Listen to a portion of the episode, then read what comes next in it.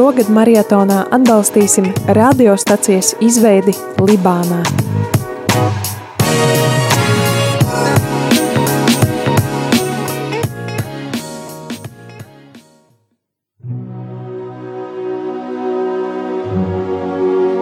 Mīlestība un patiesība.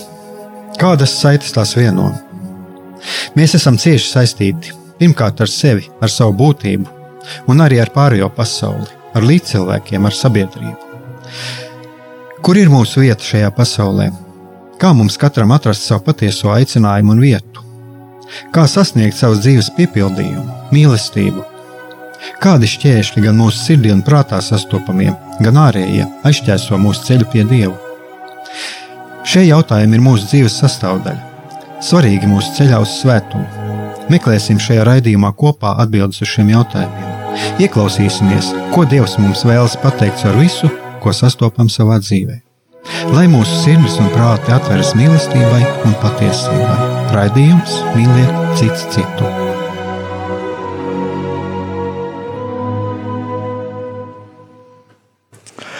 Kristus ir augšām cēlies, patiesi augšām cēlies, darbie radioklausītāji.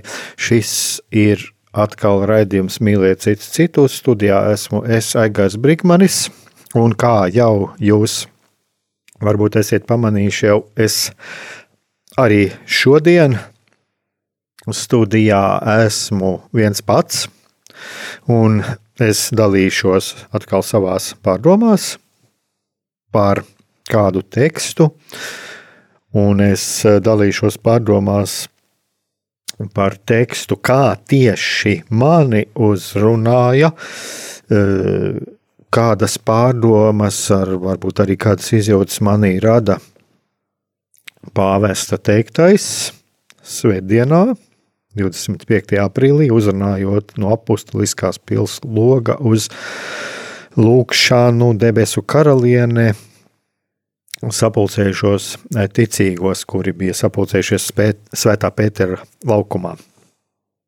Un es eh, atkal vēlos atgādināt, ka tās eh, varam saukt to pat par tādām manām uh, izjūtām, subjek, uh, subjektīvajām uh, pārdomām. Kāpēc? Tāpēc, ka tas ir tas, kā to redzu es. Un uh, es arī vēlos atgādināt, ka kādreiz par vienu un to pašu tekstu, un tas ir pilnīgi normāli, ja mums kādreiz par vienu un to pašu tekstu viens un tas pats teksts var mums izsaukt dažādas emocijas, dažādas pārdomas, mūsos kaut ko pamodināt, jo Dievs eh, uz mums runā caur daudzām lietām, gan caur dabu, caur to, kas mums ir apkārt, caur mūsu visām mūsu maņām, caur tekstiem. Un tie var būt gan svēto rakstu teksti, tie var būt kaut kas, ko kāds cilvēks mums stāsta. Tas var būt arī kāda garīgās kārtas pārstāvja, kāda no klosteru ļaudīm, kāda klosteru māsa, eh, kāds klosteru brālis, kāds garīdznieks, vai arī, kā šajā gadījumā, pāvests. Un tā tad eh, vēlos atgādināt vēlreiz, ja tas ir tas, kas uzrunā tieši mani, ar ko, ko es dalos, un uh, arī to, kad uh, ir jāsaprot to, ka mēs ir pilnīgi normāli, un, un es domāju, tas arī ir labi, ja kaut kas eh, mūs uzrunā un eh, mums notiek iekšā kaut kādas kustības atbilstoši mūsu laika, mūsu šī brīža situācijai. Tā ir situācija, kurā mēs atrodamies, kurā mēs atrodamies mēs, kurā atrodas eh, cilvēki mūsu apkārt. Un, un, un arī tas ir viens no iemesliem, kā kāpēc mēs kādreiz varam uztvert vienu un to, vienu un to pašu tekstu, mēs uztveram dažādi. Un tās lietas tajās ir jāieklausās. Tā tad viena puse ir šī intelektuālā puse, kurā mēs, protams, redzam mācību, mēs arī redzam tekstu, mēs redzam, ko pāvests uz ko mūs aicina, kurā mēs nonākam pie kaut kāda vienota secinājuma. Tā ir tā intelektuālā puse, bet šī mūsu sirds puse, tā, tā puse, kas ir, um, kas sasaucās ar mūsu iekšējo pasauli, tā mums dod katram atsevišķi, var sniegt dažādas atbildes, var radīt dažādus atšķirīgus jautājumus. Un es domāju, ka tas ir arī ļoti skaisti un ļoti labi, ja mēs um, varam šādā veidā šādā veidā esam atvērti uz tām eh, kustībām, kas ir mūsos eh, klausoties vai lasot kādu tekstu. Un tā tad eh, es atgriežoties pie pāvesta teiktā, pāvests, pāvests runā par labo ganu, kurš katru no mums aizstāv, kurš katru no mums pazīst un mīl.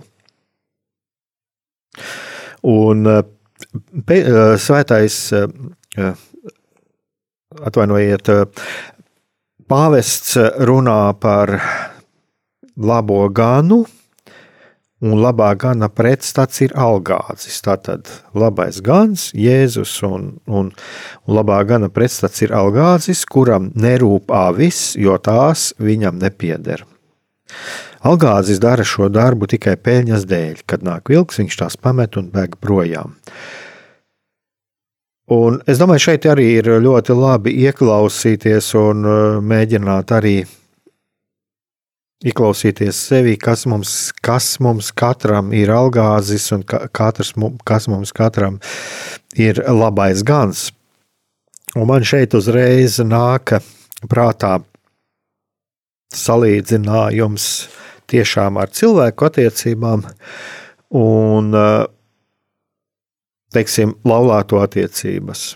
Tātad attiecības starp laulātajiem, attiecības starp vecākiem un bērniem.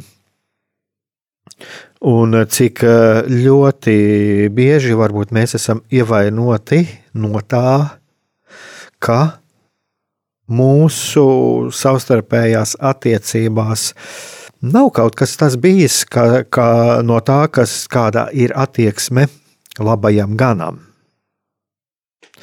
Jo no vienas puses mēs apzināmies, es varu teikt par sevi, es apzinos šo labā gana tēlu. Man nāk prātā arī šie attēli, kur ir Jēzus, Jēzus ar jēru uz pleciem, Jēzus, kurš dodas eh, meklēt nomaldījušos avi. Man ir šis eh, tēls vienmēr stāv acu priekšā. Tas ir pirmais, kas varbūt arī visvairāk izplatītais, bet kaut kādā veidā, tā kā tas jau ir vizualizēts, ir dažādos mākslas darbos, tas ir tas, ko es redzu savā acu priekšā. Bet tādā pašā laikā es arī uzdodu sev jautājumu, cik, cik autentiski es redzu šo labo ganu, kas šis labais gans ir tieši man,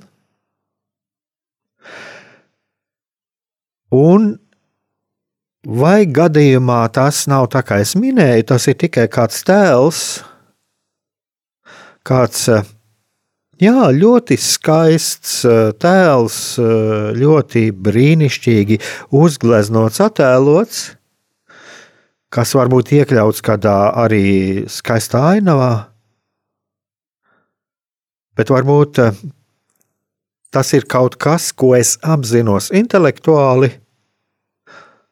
bet tā pašā laikā man ir grūti to attiecināt uh, uz sevi eh, grūti attiecināt, eh, ka es esmu, ka es piederu šie, pie šī ganāmpulka.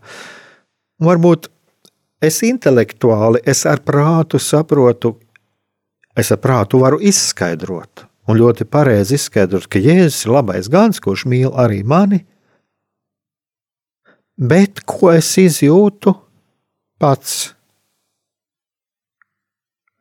Vai es izjūtu, ka labais gans, ka es šim labajam ganam esmu svarīgs?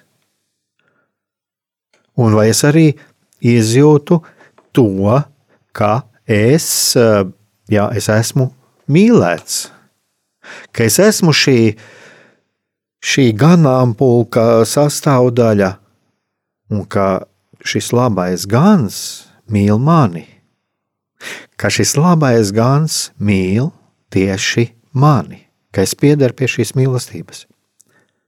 Tātad, lūk, ir vieta, kur kam pārdomāt, vai es sajūtos Jēzus mīlēts. Es esmu tā mīlestība,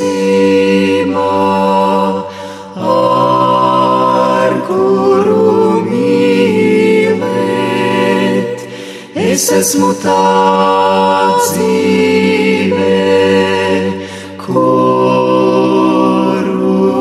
dzīvot. Es esmu tās prieks kurā dalīties. Es esmu tā maize, kuru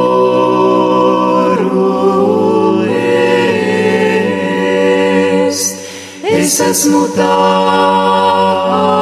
asins, kuru dzert.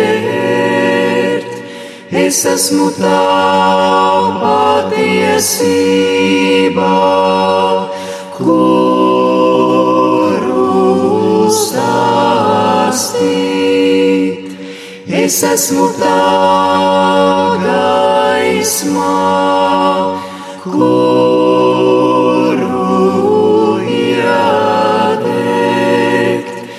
Es esmu tās miers,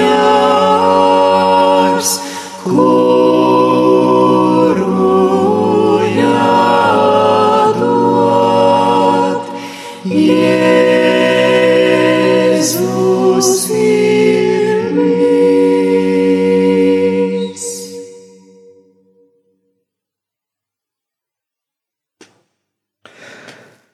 Tā tad, vai es tiešām jūtos eh, kā tas, kuru labais gans pazīst un mīl? Un pāvests šeit, eh, šajā tekstā, savā uzrunā piemina divas eh, lietas.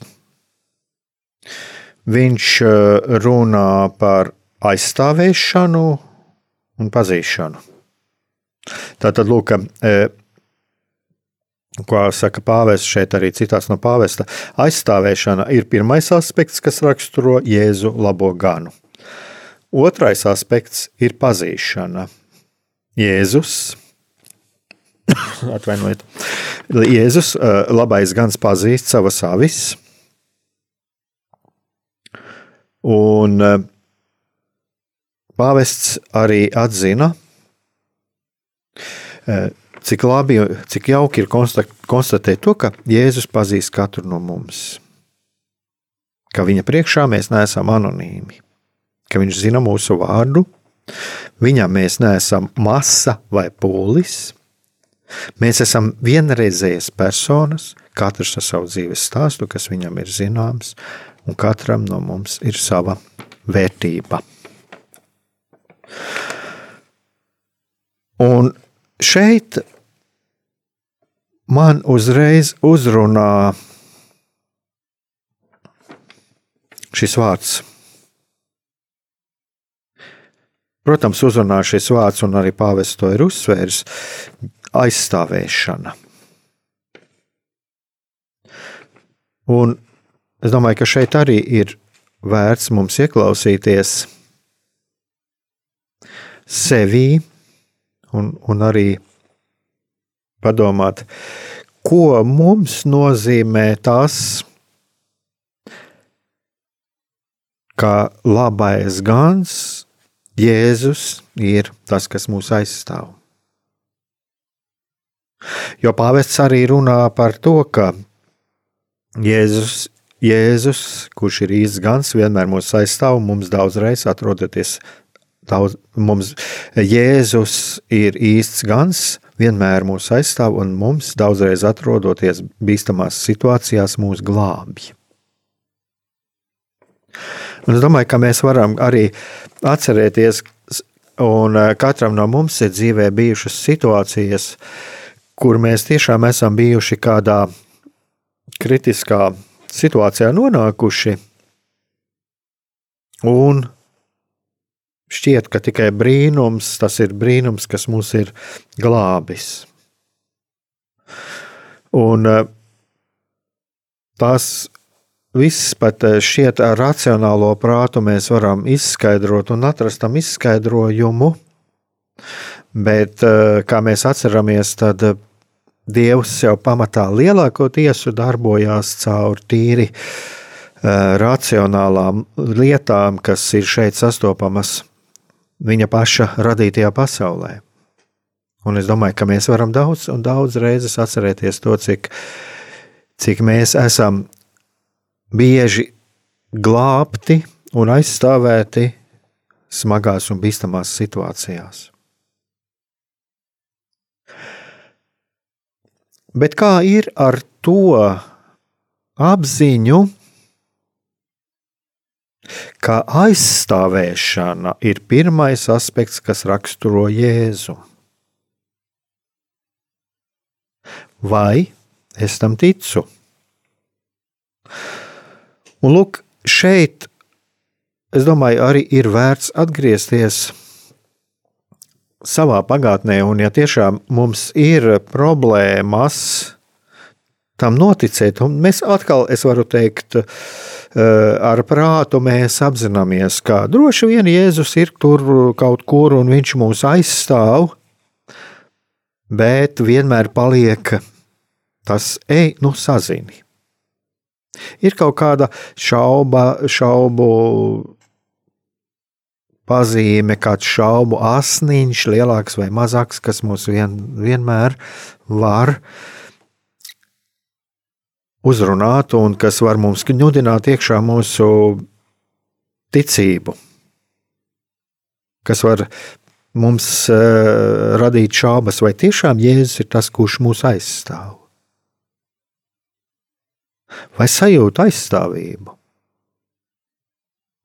Un vai es esmu kādreiz sajūtis aizstāvību savā ģimenē, kad es esmu bijis bērns, kad es esmu bijis maziņš? Kad man vajadzēja, vajadzēja aizstāvību kādos konfliktos, konfliktos ar cilvēkiem, ar vienaudžiem, ar pedagogiem, kad man kāds nodarīja pāri. Vai es esmu sajūtis aizstāvību un atbalstu no tiem cilvēkiem, kas man bija apkārt no, no saviem vecākiem, no ģimenes, no pedagogiem? Un galu galā, vai daudziem no mums varbūt nav bijusi pat ģimene, varbūt mēs esam auguši nepilnā ģimenē vai, vai vispār bez vecākiem. Tātad, vai mēs esam piedzīvojuši to aizstāvību, ko Dievs vēlās, lai saņem katrs bērns? Un varbūt šī ir tā šīs ir tās situācijas, kad mēs neesam to saņēmuši. Un līdz ar to mums arī rodas šaubas par pašu Dievu. Jo Dievs šeit viņš tiek minēts kā labais gans, bet viņš tiek asociēts arī kā tēvs, kā, kā mīlošais tēvs. Vai mēs noticam šai, šai mīlestībai? Varbūt aizstāvēšanas pēc, aizstāvēšanas vietā mēs esam saņēmuši noraidījumu un vēl vairāk pāridarījumus. Un tas varbūt ir arī ietekmējis mūsu skatījumu uz Dievu.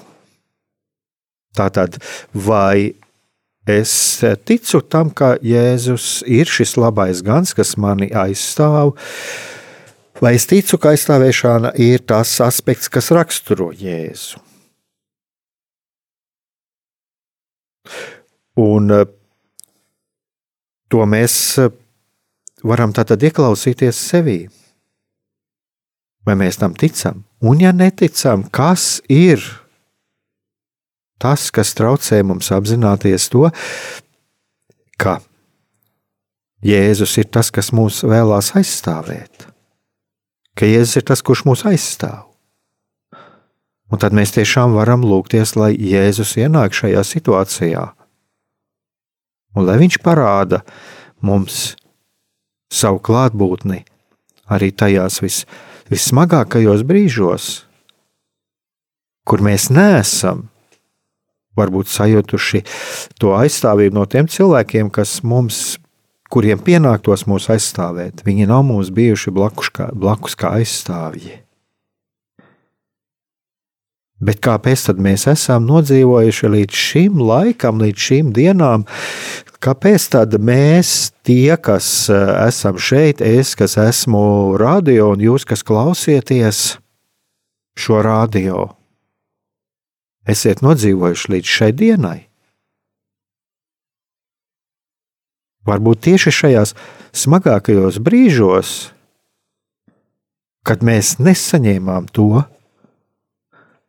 ko mums pienāktos saņemt no cilvēkiem, Jēzus bija mūsu blakus un, un nesa mūs uz savām rokām.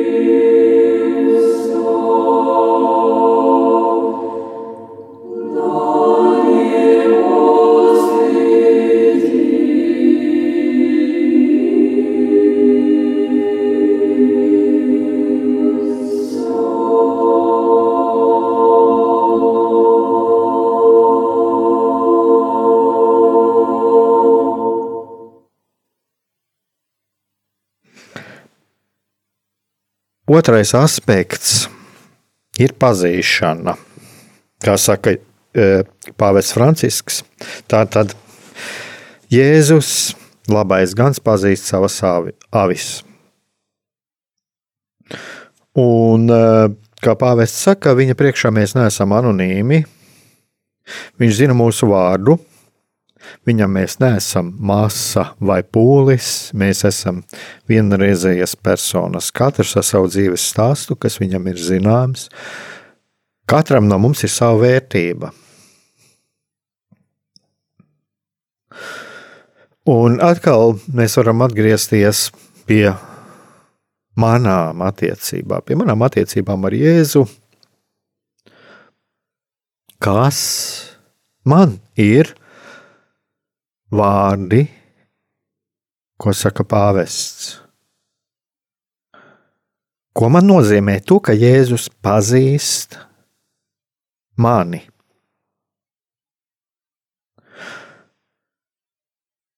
Ir ļoti labi apzināties, ka mēs neesam masa, arī kā pāvests saka, ka mēs neesam masa vai pūlis.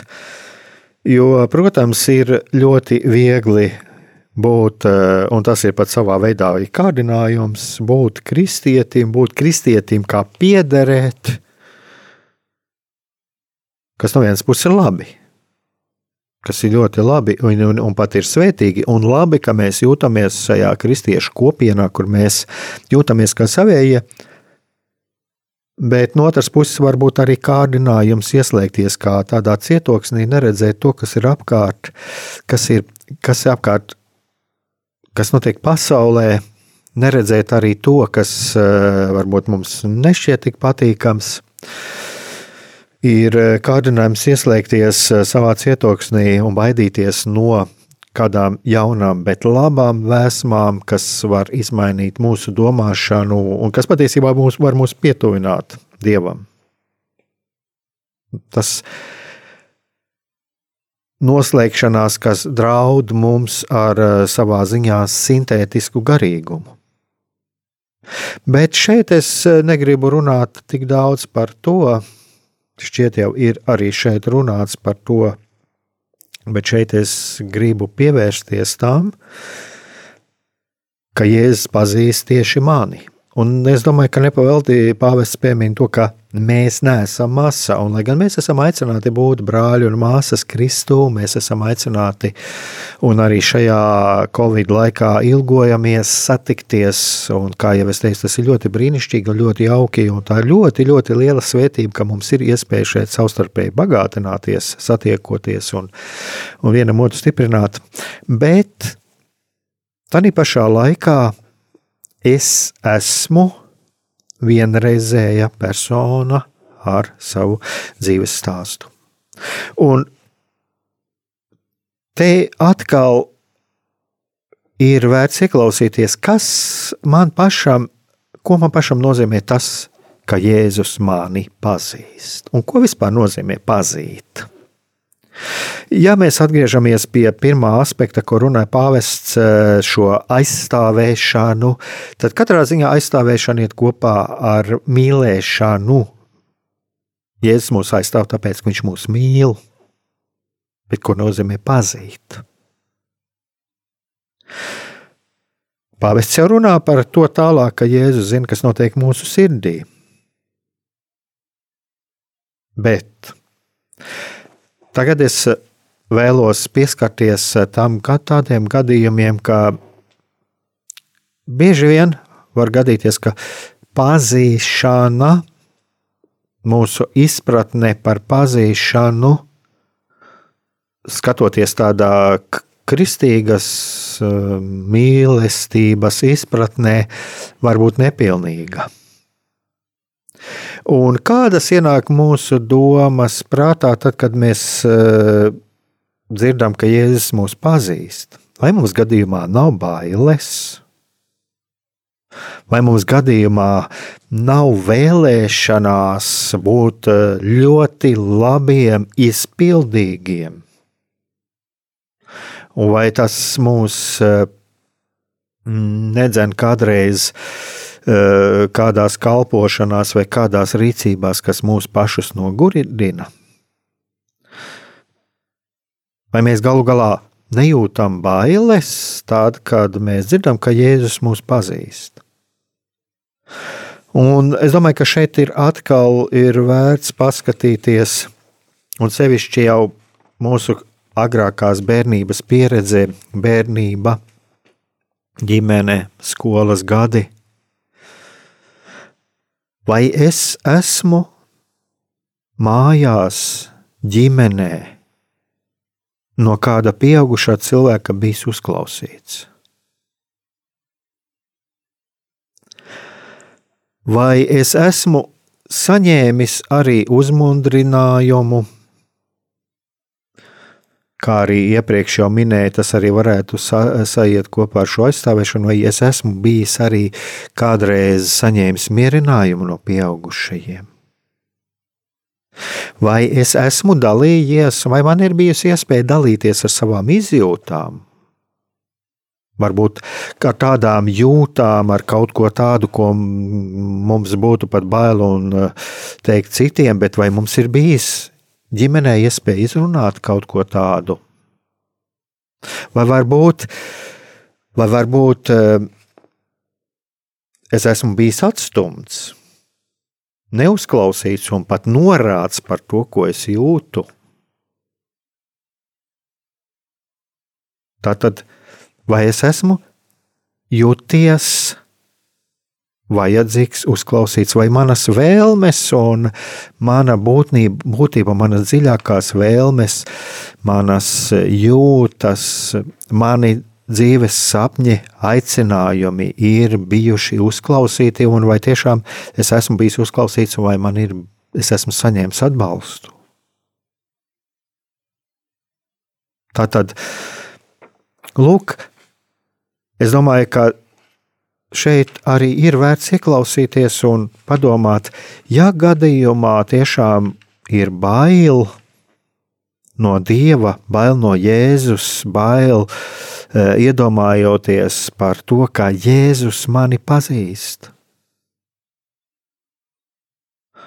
Ja man rodās bailes un vēlēšanās kaut ko, kaut ko paslēpt no viņa, vai es esmu saņēmis to uzklausīšanu, kas mums pienākās katram, un atkal, ko, ko es gribēju teikt, tā Dievs mūs ir visus radījis, lai mēs tiktu mīlēti un, un mēs, mēs varētu dalīties tālāk ar mīlestību. Vai man ir bijusi kādreiz iespēja saņemt šo pazīšanu, kas nozīmē arī to, ka cilvēks ir ieinteresēts, ka otrs ir ieinteresēts manī. Ne tikai tajā, kāds es ārēji esmu, ko es viņam varu sniegt, bet kad viņš ir tiešām pa īstam grib mani iepazīt, iepazīt manas dziļākās vēlmes, manu iekšējo pasauli, un tad būt blakus man šajās dzīves situācijās, kad tas man ir nepieciešams.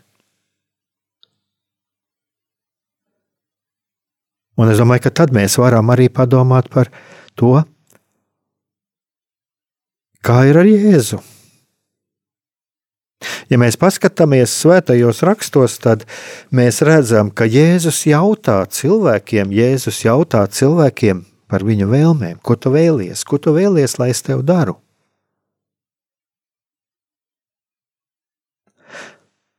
Tātad Jēzus ir ieinteresēts, Jēzus ir ieinteresēts otrā cilvēkā, Jēzus ir ieinteresēts otra cilvēka vēlmēs. Jēzus vēlās būt blakus.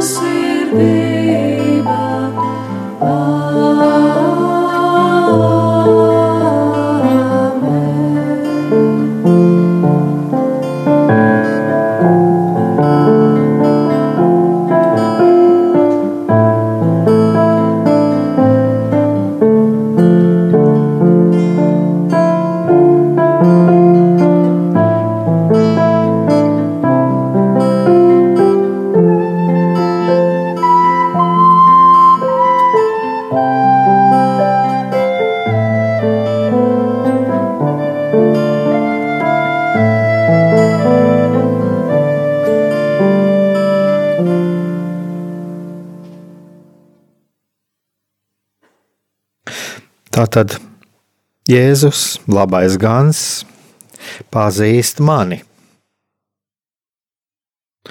Un kā pirms uh, iepriekš, pirms muzikālās pauzes, es, es runāju par to, cik ļoti, ļoti svarīgi ir ieklausīties sevī, kas man nozīmē, ko man nozīmē un kādas izjūtas manī izraisa tas, ka Jēzus mani pazīst un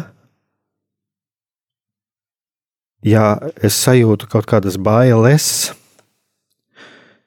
ja man tas ir eh, arī kaut kas abstrakts, tad paskatīties arī vai es esmu kādreiz neesmu piedzīvojis noraidījumu, vai es esmu bijis uzklausīts, vai es esmu bijis respektēts, vai ir respektēta mana iekšējā pasaulē, vai esmu respektēts, mīlēts, tas, kāds es esmu. Un šeit ir tālāk arī, ko pāvests runā. Pāvests saka, tikai Jēzus zina, kas notiek mūsu sirdī, viņš pazīst mūsu kārdinājumus, un mūsu visapslēptākās sajūtas.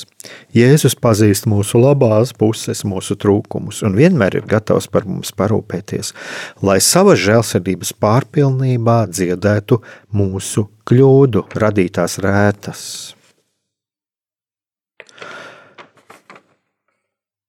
Un lūk, ja es esmu bijis kādreiz noraidīts, pat uh, kādās nevainīgās lietās, kādā savā aicinājumā. Es esmu vienkārši bijis noniecināts. Tad, kur nu vēl parunāt, eh, atklāt savas kļūdas? Mums ir baznīcā, protams, mūsu baznīcā ir grēksūdzes sakraments, Mums ir šāda brīnišķīga iespēja. Bet es domāju, būtu arī, ja šeit būtu kāds priesteris, varbūt arī varētu vairāk pastāstīt par to. Ļoti bieži mēs eh, atgriežamies pie tiem pašiem grēkiem, pie, pie tām pašām kustībām, mēs iekrītam vienās un tajās pašās lietās. Tā tad varbūt ir jādomā kādreiz arī par to, ka kaut kas nav mums pilnībā dziedināts. Bet atkal, vēlreiz atgriežos pie šiem pāvesta vārdiem, tikai Jēzus zina, kas notiek mūsu sirdī, un viņš pazīst mūsu kārdinājumus. Tad viņš pazīst visu mūsu visapslēptākās jūtas un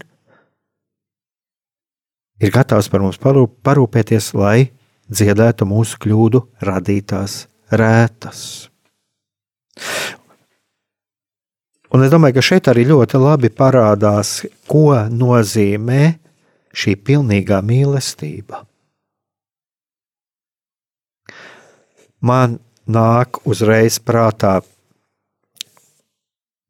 laulības dzīve, jo tie, kas tiek aicināti, eh, kas sajūta aicinājumu uz laulību, tad tur ir arī viena no tādām būtiskām lietām, ka pieņemt otru cilvēku gan ar visām viņa labajām, gan netik labajām pusēm, kas mums kādreiz arī otrā var nepatikt. Un, eh, jo mēs patiesībā, ja arī mēs paskatāmies, ka Jēzus savas rētas rādīja, tad mēs arī varam savas rētas, mēs varam dziedināt viņas tikai tad, ja mēs apzināmies un, un rādām. Un šeit varbūt nav tik svarīgi, vai mēs tās rētas eh, rādām caur kādu priesteri, caur eh, kādu garīgo vadītāju, caur kādu psihoterapeitu. Mēs šīs rētas varam varbūt arī parādīt savā lūkšanās, eh, kaut šajā brīdī, kaut šajā nākamajā stundā, kad mums ir iespējams parādīt pašam Jēzumam. Mēs varam nokrist uz ceļiem un parādīt un pateikt, Jēzu, lūk, šī ir rēta, kas man sāp, kaut kas manī sāp. Jo viņš ir tas, kas mūs uzklausa. Un viņš mūs pazīst. Un pazīt un mīlēt jau būtībā nozīmē to, ka es mīlu šo personu, ar to, kas viņā ir, ar to, ar ko viņš nāk pie manis, ar to, ar ko Dievs ir ļāvis man viņu savā ceļā satikt. Un tā arī ir šī pilnīgā Jēzus mīlestība. Un atkal, ja mēs paskatītos arī svētajos rakstos, mēs ļoti, ļoti maz uh, praktiski neredzam, kur Jēzus eh, ar nosodījumu vērstos pret eh, grēcinieku, pret ievainoto cilvēku. Bet Jēzus ar ļoti skarbiem vārdiem vērsās pret tiem, kuriem bija vara un kuri ārēji šķita ļoti pareizi, un kuri ārēji sludināja ļoti pareizas lietas. Tā tad, lūk, šeit ir labais gans, kurš pazīst mūs, pazīst mani, un kurš pazīst mani ar visām lietām, kas manī ir, gan ar labajām, gan arī ar maniem trūkumiem kurus es varu nolikt Jēzus priekšā, ieaicināt viņu manos trūkumos, manos grēkos, manos ievainojumos, un lai viņš mani dziedina un atbrīvo.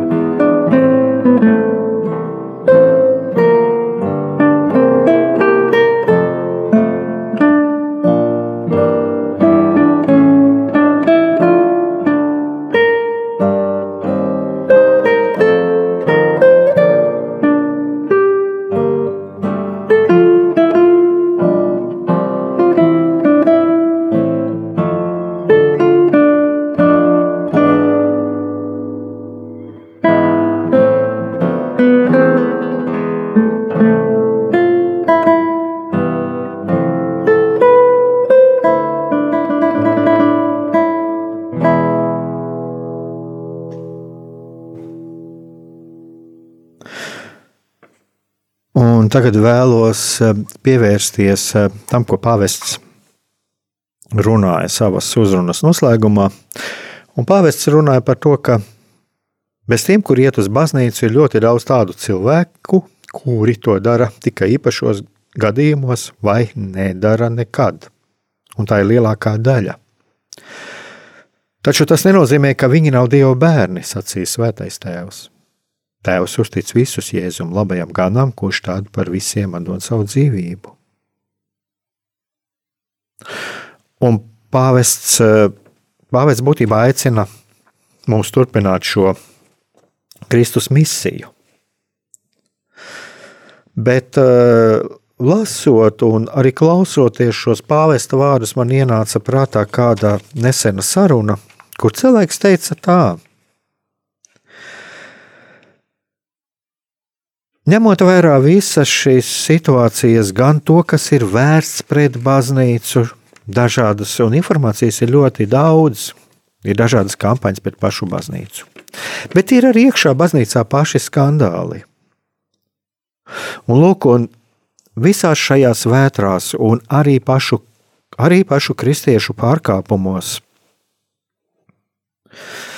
Tad cilvēks teica tā, ka, lūk, pateicoties, tikai pateicoties tiem cilvēkiem, kuri tiešām ir izrādījuši tuvāk mīlestību un kuri ar savu dzīvi liecina, ka var dzīvot šādā evaņģēliskā garā, un arī pateicoties tam, ko dara pāvests, cilvēks turās baznīcā, Viņš eh, darbojās aktīvi, apmeklē svētās mises un arī, kur vajag atrast savu kalpošanu.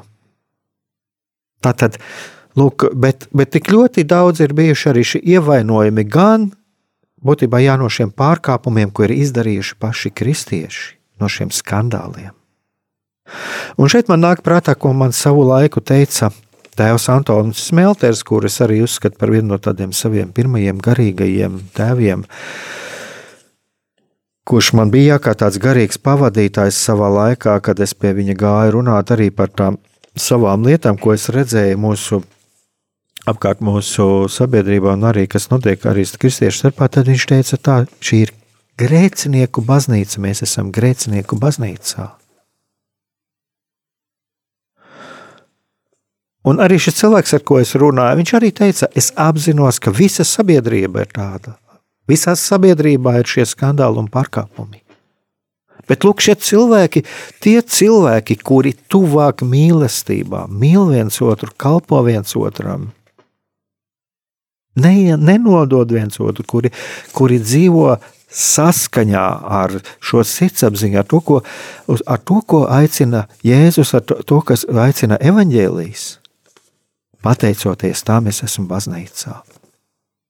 Un es domāju, ka šis ir viens tāds ļoti labs piemērs, sekot tam, uz ko arī aicina pāvests, ka pāvests arī runā par to, ka baznīca ir aicināta turpināt šo Kristus misiju. Ka patiesībā jau mums Man gribās te, šeit pieminēt divas lietas. Viens, netiesāsim tos cilvēkus, kuri nenāk uz baznīcu, un mēs nezinām, kāpēc viņi ir attālinājušies no baznīcas, kāpēc viņi ir attālinājušies no ticības. Bet ko gan mēs varam darīt? Mēs varam noliekties pār viņiem, un ar savu dzīvi, ar savu dzīvi, ar savu attieksmi vienam pret otru un arī pret citiem, arī pret viņiem, mēs varam viņus uzrunāt. Jo varbūt kādreiz ir tā, ka tikai mēs esam, katrs no mums varbūt kādā brīdī pirmais cilvēks, kurš uzklausa šo cilvēku, kurš, kurš tiešām uzklausa ar cieņu, ar ieinteresētību, ar ieinteresētību viņā kā personā. Ar ieinteresētību, lai šim cilvēkam būtu labi. Un es domāju, ka tā ir tā vislabākā evanģelizācija, kādu mēs varam sniegt pasaulē. Būt tādiem kā šis labais eh, samarietis, kurš nejautā šiem cilvēkam, kas viņš ir, kas ir viņš pēc tautības, eh, orientācijas, ticības, kurš, kuram ir svarīgi ieraudzīt to, ka šim cilvēkam sāp, ka viņš ir ievainots, ka pār viņu ir jānoliecās un viņam ir vajadzīga palīdzība. Būsim tādi, kā šis labais samarietis, būsim tādi kā Jēzus un, un sekosim šim pāvesta aicinājumam. Turpināsim Kristus iesākto misiju šeit, tagad, tepat mūsu dzīvē, tur, kur Dievs mums ir ļāvis būt. Mīlestība un patiesība. Kādas saites tās vieno? Mēs esam cieši saistīti pirmkārt ar sevi, ar savu būtību, un arī ar pārējo pasauli, ar līdzcilvēkiem, ar sabiedrību. Kur ir mūsu vieta šajā pasaulē? Kā mums katram atrast savu patieso aicinājumu un vietu? Kā sasniegt savas dzīves piepildījumu, mīlestību, Kādi šķēršļi gan mūsu sirdī un prātā sastopamie, gan ārējie aizķēso mūsu ceļu pie Dieva? Šie jautājumi ir mūsu dzīves sastāvdaļa, svarīgi mūsu ceļā uz svētumu. Meklēsim šajā raidījumā kopā atbildes uz šiem jautājumiem. Ieklausīsimies, ko Dievs mums vēlas pateikt ar visu, ko sastopam savā dzīvē. Lai mūsu sirds un prāti atveras mīlestībai un patiesībai, raidījums mīliet citu citu.